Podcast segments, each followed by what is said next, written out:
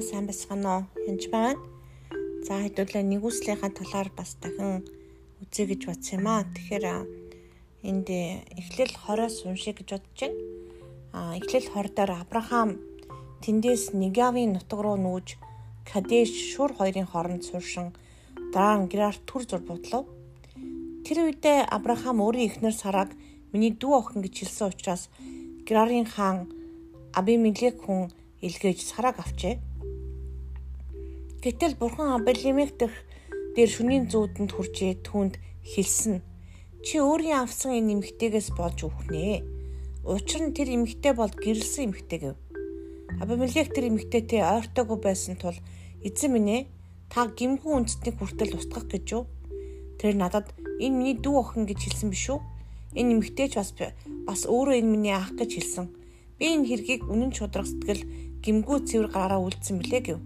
Бурхан түн зүүдэнд нь тийм ээ. Чид үнийг шудраг үнэн сэтгэлээр үлдсэн би мэднэ.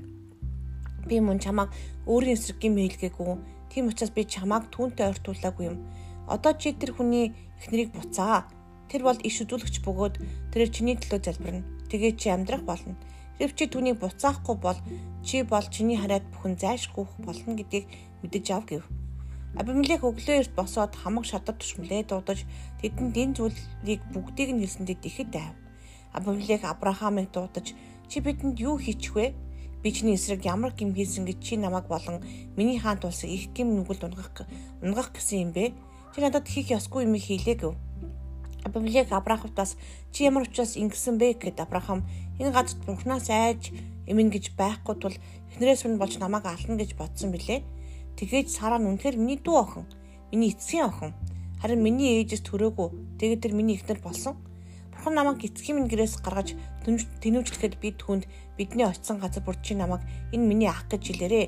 Тэр нь тэр чинь чиний надад үзүүлэх хинэрл хайр мөн гэж хэлсэн юм а гэв. Абимелек хойно нөхөр эрэхтэй эмгтэй зарснарыг авч Авраамд өгчээ. Бас түүний эхнэр Сараач түүнд түнд буцаан явуулжээ. Абимелек харахтун миний газар нутаг чиний өмнө байна. Чи хаад дуртай газартай амьдраа гэв. Тэр бас хараад хаагтун би чиний хахад мянган шкал мөнгө өглөө. Үгээр чамтай хамт байгаа бүх хүний өмнө чиний ичгүр шахаатгах байна. Мөн бүх хүмүүсийн өмнө гимгүү байсан чинь батлагдлаа гэв. Авраам бурхан залбирсан бурхан Абимелек болон түүний эхнэр шивчин нарыг эдгээж тэд хүүхэд төрүүлжээ. Учир нь эзэн Авраамын эхнэр Сараагаас болж Абимелекийн гэр бүлхний бүх хумайг хаасан байлаа. Тэгэхээр энэ бол нэлээд энэ дээр бол маш олон хичээл зааж болохоор байгаа. Гэтэ би энд юу заах гэсэн бэ гэхээр эзний нэгүсэл итгэж бус хүмүүсийн дээр хүртэл байдаг гэдгийг харуулах гэж хэлж байгаа. Тэгэхээр энд байгаа энэ хаан болох үнэхээр итгэж ч юм уу тийм биш. Бурхныг мэдгүй хаан байна. Бага мөртлөө бурхан түүний зүүдэнд нь орж энэ бүх асуудлаас аварж байгаа юм л та. Тэгэхээр бурхан Амалекийн шөнийн зүүдэнд хурж ирээд гэж байгаа байхгүй. Хилээд За чи одоо энэ нэмэгтэй чинь болохгүй шүү. Энтэй суучих юм бол чи асуудалд дурна. Тэр байтха чиний асуудал чинь хаан тулсаж чинь асуудал болно гэдгийг хэлж байгаа. Энийг чинь бас хийхгүй байх юм бол одоо бүх хүмүүнийх нь умаа хаагдсан тийм хүнд байдалд орсон байж байгаа. Тэгэхээр буцаад Авраам нэг залбирч энийг хийж байгаа. Ингээд сайн харах юм бол хамгийн асуудалтай хүн Абимелек хаан биш харин Авраам өөрөө байгаа. Нэгдүгээрт нь аавгаа охинтой буюу дүүтэйгээ суудсан байгаа. Хуучин гэрээгээр бол энэ баргал өөхөх ялтаа тэмцүүлэл дээ. Цагаатлах юм бол. Аа тэгээд худлаа хэлж байгаа дээрэс нь. Тэгээд эхнэрээгээ өгөөд явуулсан. Эхнэр дүүн үнэн боловч гсэн миний эхнэр буюу одоо хүнтэй суусан хүнийг тэнд хаанд өгөөд явуулчихж байгаа. Тэгэхээр цагаатлахаар хулчхар аймгаагаараа баг Авраамын буруу болохоор асуудал байхад бурхан Авраамыг өмгөөлж хамгаалаад энэ бүх асуудал болж байгаа юм л да. Тэгэхээр нөгөө талд нь бас одоо итгэж биш энэ хааныг бас хамгаалж зүүдэнд нь орж ирээд За энэ асуудалтай байна. Чиний асуудлаас болоод асуудалд орно шүү. Одоо тэ ихнэр одоо нэгсэндээ чиний үндэстэн устгах байдалд орно гэж.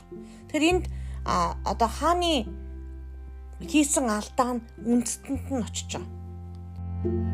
Тэгэхээр эндээс нэг юм харах юм бол бурхан энэ итгэгч биш хүмүүсийг энэ үндэстэнг энэ хааныг зүүдээр нь өөрөө хилж очоод аварч байгаа юм л та.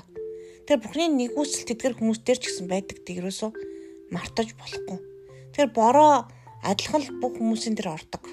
та ургацаа хураасан уу, газраа хагалсан уу гэдгээс хамаарат л ургац авах тухай ярьдаг болохоос биш таны хөдөлмөрч байна уу гэдэг тухай ярьж байгаа болохоос биш а одоо бурхны нэгүс хүний бүх хүний дээр байдгийг мартаж болохгүй. Тэр эдгээр хааны эдгээр ард түмний хувьд ч гэсэн бурхан эдгээр хүнийг томилсон, тосолсон байгаа гэдгээрээс мартаж болохгүй. Томилсон. Тэгэхээр таны удирдахч болон тэдгээр хүмүүсийн одоо асуудлууд ч гэсэн доош очих боломжтой боловч та өөрөө ямар байна гэдэг маш чухал. Тэгэхээр энд юу гэж хэлэх гээд байна вэ гэхээр эзний нэгүсэл тэдгэр хүмүүсийн дээр ч гэсэн байдаг. Нэгэн жишээ ярьжсэн үнтэй би уулзчихсан л та. А дэлгүүр дэлгүүрийн жижигхэн дэлгүүр ажилладаг хүн байсан. Тэгээд хамаг юм алдаад уурлаад хараагаад бурхан энэ шудраг биш байна. Тэтгэр хүнийг одоо тэр хулгайчийг одоо зэмлэж өгөөч. Тэр хүнийг одоо шоронд оруулж хатааж өгөөч гэдэл ууранд амих маш их орилж исэн гэлээ. Тэгсэн чи бурхан хэлсэн гинэ. Тэр хүний ард нь хоёрын хоёр нь жуучлан залбирдаг хүмүүс байгаа. Эмээ ээж хоёр нь байнга залбирдаг юм аа. Асуудалд орсон хүүхдээ гамаа авг үсчихсэн хүүхдээ чи харин тэрний төлөө залбирчилсан ба. Тэгээ тэр хүүхдийн төлөө залбирсан чинь хүүхд нь зүүт нойронд янз бүрийн мүдэгдээд болохгүй байгалаад би нэг чинь буцааж өгөхгүй болохгүй нэ гэж буцаж ирээд хамгийн юм буцааж өгөөд тэгээ сайн мэдээрээ тэтгэж болсон тухай ярьжсэн түүний дүүгийг сонсч байсан л та. Тэгэхээр бид нэр альва асуудлыг харахтаа том зургаар нь харж эсрийн нэг хүсэлт эдгэр хүмүүстэр байдаг гэдгийг миний дайсан бол мах цусны эсрэг биш гэдгийг юусаа мартаж болохгүй. Тийм учраас хүмүүсийг бас нэгүүлсэх хэрэгтэй. Тухайн итгэгч байна уу, итгэгч биш байна уу гэсэн. Тэгээд мэдээж бурхан үнэхээр Авраамд хайртай а үнэхээр тэрийг аварж байгаа. Эднийг буцааж өгж байгаа. Харин ч бүр Авраам яг энэ Абрах энэ хаанаар дамжуулаад өрөөж байгаа боловч нөгөө талдаа бас бурхан үнэхээр тэр хаан тэр үндэстнийг бас хамгаалж байгаа гэдгийг бас мартаж болохгүй. Тийм болохоор үнэхээр эзний нэгүсэл хаасаагүй байдаг. Итгэгч биш хүмүүсээ ч гэсэн бас эзэн хайрладаг, хамгаалдаг гэдгийг бас мартаж бүү мартаараа. Тэгээд тэдний ч гэсэн зүудэнд эзэн үлддэж болох уу бас болно.